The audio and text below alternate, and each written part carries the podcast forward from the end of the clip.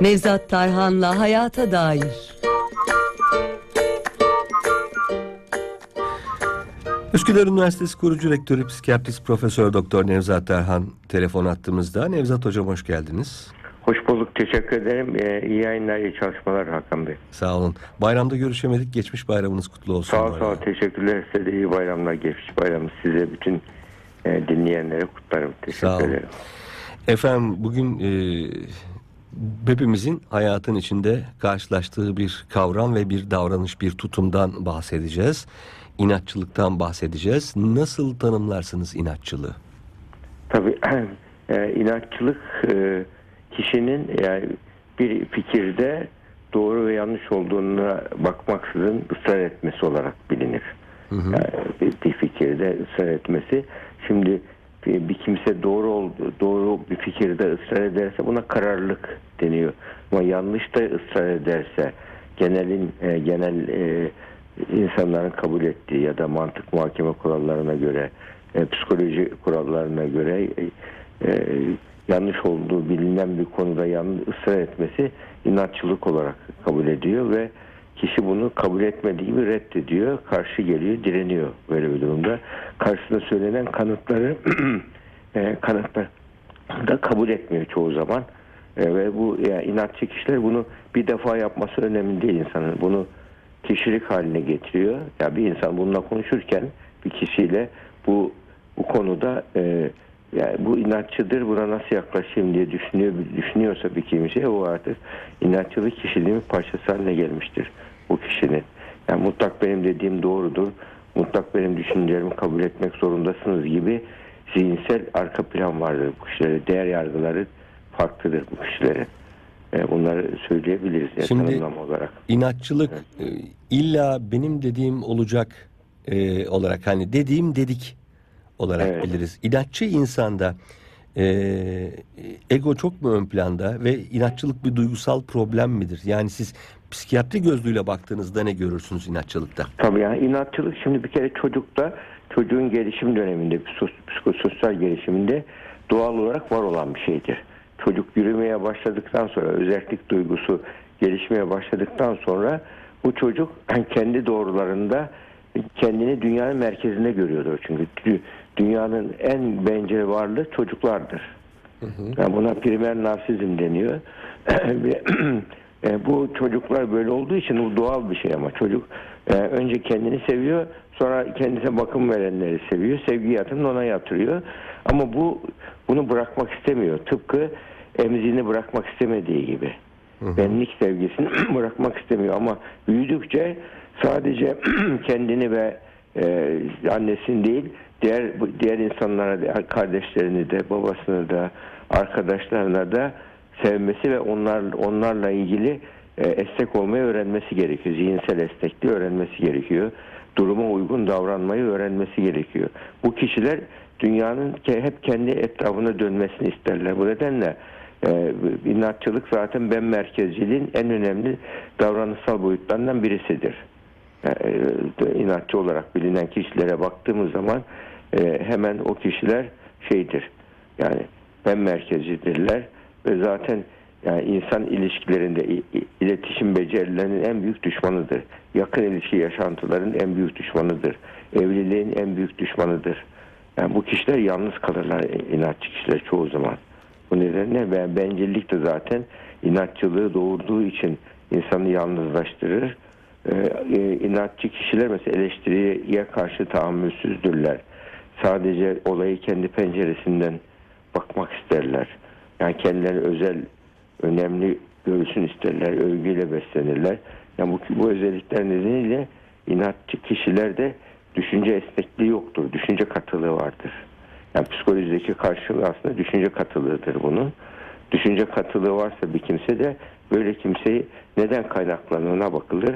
Eğer bir e, ha- hastalıktan kaynaklanıyorsa bir hezeyansa zaten o zaman e, e, tıbbi tedavi gerekiyor. Medikal yaklaşmak gerekiyor. Ama bir hezeyan değil, kişilik özelliği ise bu kişide e, kişide onun kişilik özelliği o, bu kişi bunu bilerek mi yapıyor bilmeyerek mi yapıyor ona bakılır. Niyet önemlidir burada.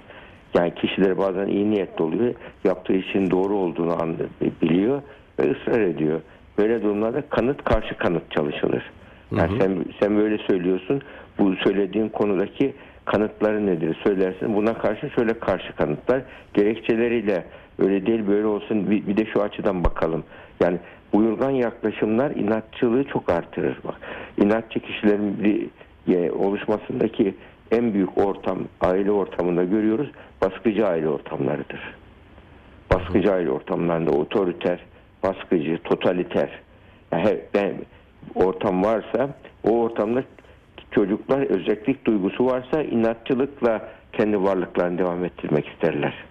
Bazı çocuklar teslim olurlar ve hatta bazıları pasif agresiftirler. Peki peki derler. Hani bazı insanlar vardır. Muamele çok iyi ama eylem sıfır. Yani yüzüne karşı her şey evet evet derler. Pasif inatçılardır bunlar da. Bunlar daha tehlikelidir. Aktif inatçılar dürüsttür. Yani karşı çıkarlar, itiraz ederler, savunurlar fikirlerini. Ama pasif inatçılar ki bu maalesef günlük hayatta e, çok güzel, iyi davranıyor, şey yapıyor fakat daha sonra kendi bildiğini okuyor. Pasif agresif kişilerdir. Annesi mesela çocuğa ders çalış der. Çocuk tabi anne çalışacağım bilen der çalışmaz. Hatta çalışmaz annesini sinirlendirir, zevk alır bundan. Yani bu da pasif inatçılıktır. Yani bu nedenle bu inatçılığı aktif ve pasif diye de e, ayırmak gerekiyor. E, böyle de açık da inatçılar dürüst oldukları için bu kişilerle anlaşmak daha kolaydır. Yani onlarla ilgili e, fikirlerini yani hakikati anlayalım diye söyleyecek. Yani bu ego savaşları yaparsak iki taraf da kaybeder. Ama yani burada amaç nedir bizim amacımız? Bir doğrunun, hakikatin, iyinin bizim için en isabetli olan neyin olduğunu bulalım denir. Ama onun onurunu zedelemeden bunu yapmak gerekiyor. Onurunu zedelerseniz yani kişilik e, yapısı olan inatçılıkta çözüm kolaydır. Birinci farkındalık çalışılır. Farkına vardığı zaman kişi zaten ya bu benim lehime bunu söylüyor diyerek yani e- eleştiriyi bir armağan gibi gören bir kimse inatçılığını çok kolay kontrol eder. Yani ki ben hiç inatçı değilim diyorsa bir insan yalan söylüyordur. Herkesin içinde inatçı bir çekirdek vardır. Vardır ve bu genellikle kendi kişi, psikolojik bütünlüğünü korumak için de gereklidir insanda. Kendi doğrularını savunması gerekiyor. Ve karşıt bir delil olmadan bir karşıt bir görüş ikna edici bir bilgi olmadan o doğrularını değiştirmemesi isabetlidir ama ben anneyim böyle yapacaksın ben babayım böyle yapacaksın diyerek annelik babalığı yahut da işte e, o, o pozisyonunu kullanarak bir iş yerinde yönetimde insan işte gerekçelerini söylemeden ben ne dersem o olur diyerek yaklaşırsa karşı taraf sussa bile geçici bir sessizlik, sakinlik olur. Ama ilk şeyde e, en çok e, e, burada e, ilk fırsatta çok iyi ihanet beslenir böyle baskıcı ortamlarda çok hain çıkar onun için. Baskıcı kültürlerde münafık çok çıkar, hain çok çıkar.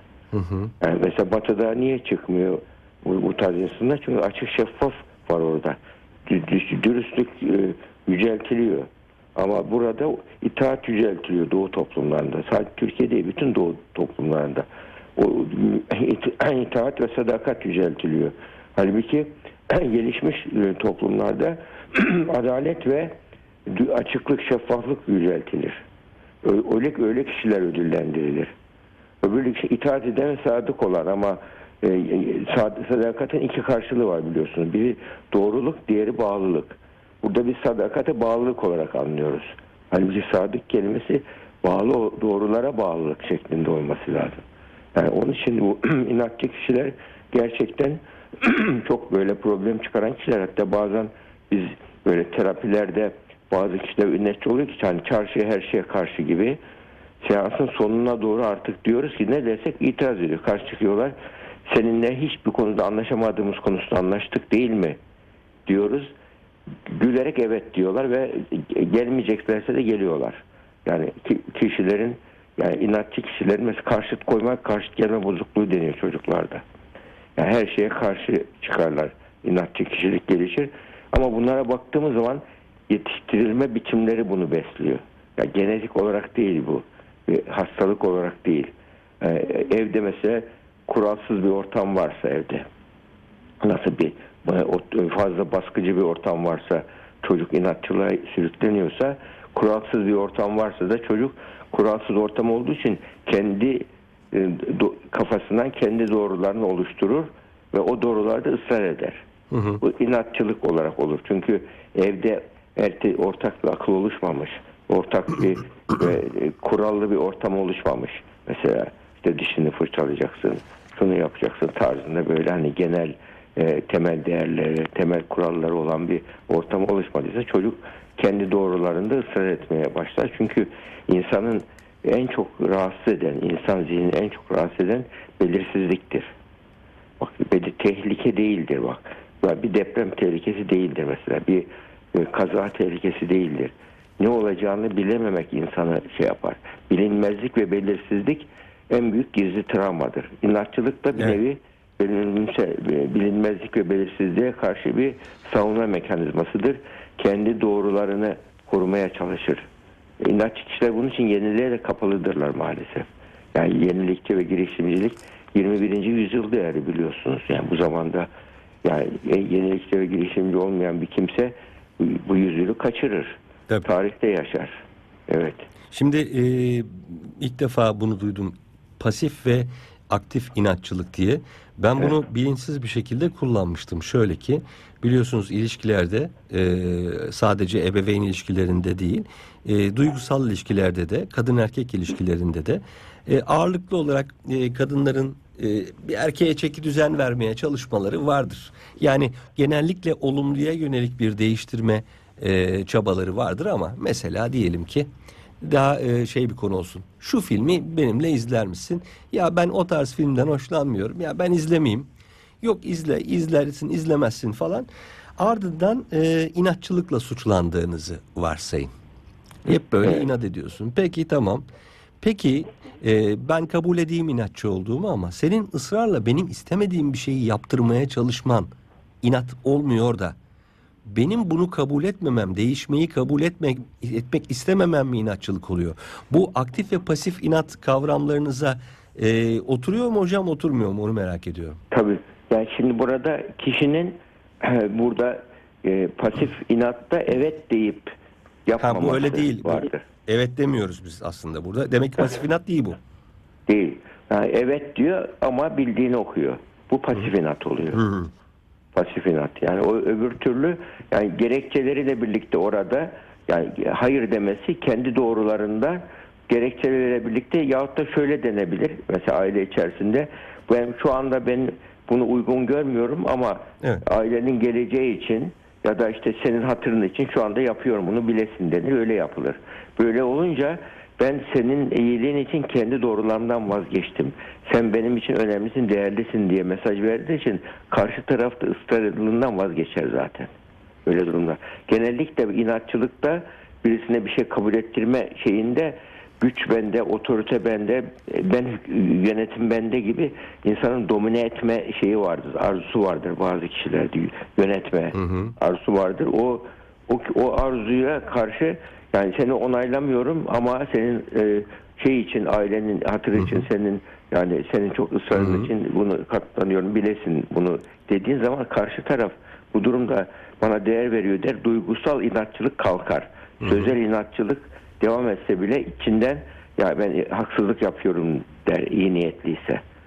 Bu nedenle burada şey önemli. Yani karşı tarafı anlayabilmek, onun onun penceresinden olaya bakabilmek yani empatik bakış inatçılığının en güzel çare çözümüdür.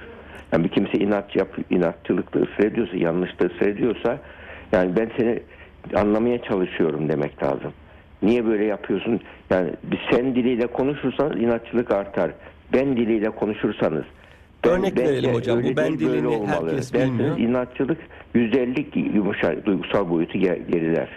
E, ben dilinden bir örnek verir misiniz? E, herkes anlamamış olabilir bunu. Tabii tabii şu anda mesela eve geldiniz ev darmadağınık Evet. E, geldiniz. Bu durumda şöyle deseniz yani ne bu evin hali bütün gün dışarıda canım çıktı zaten eve geldim ortak darmadağınık.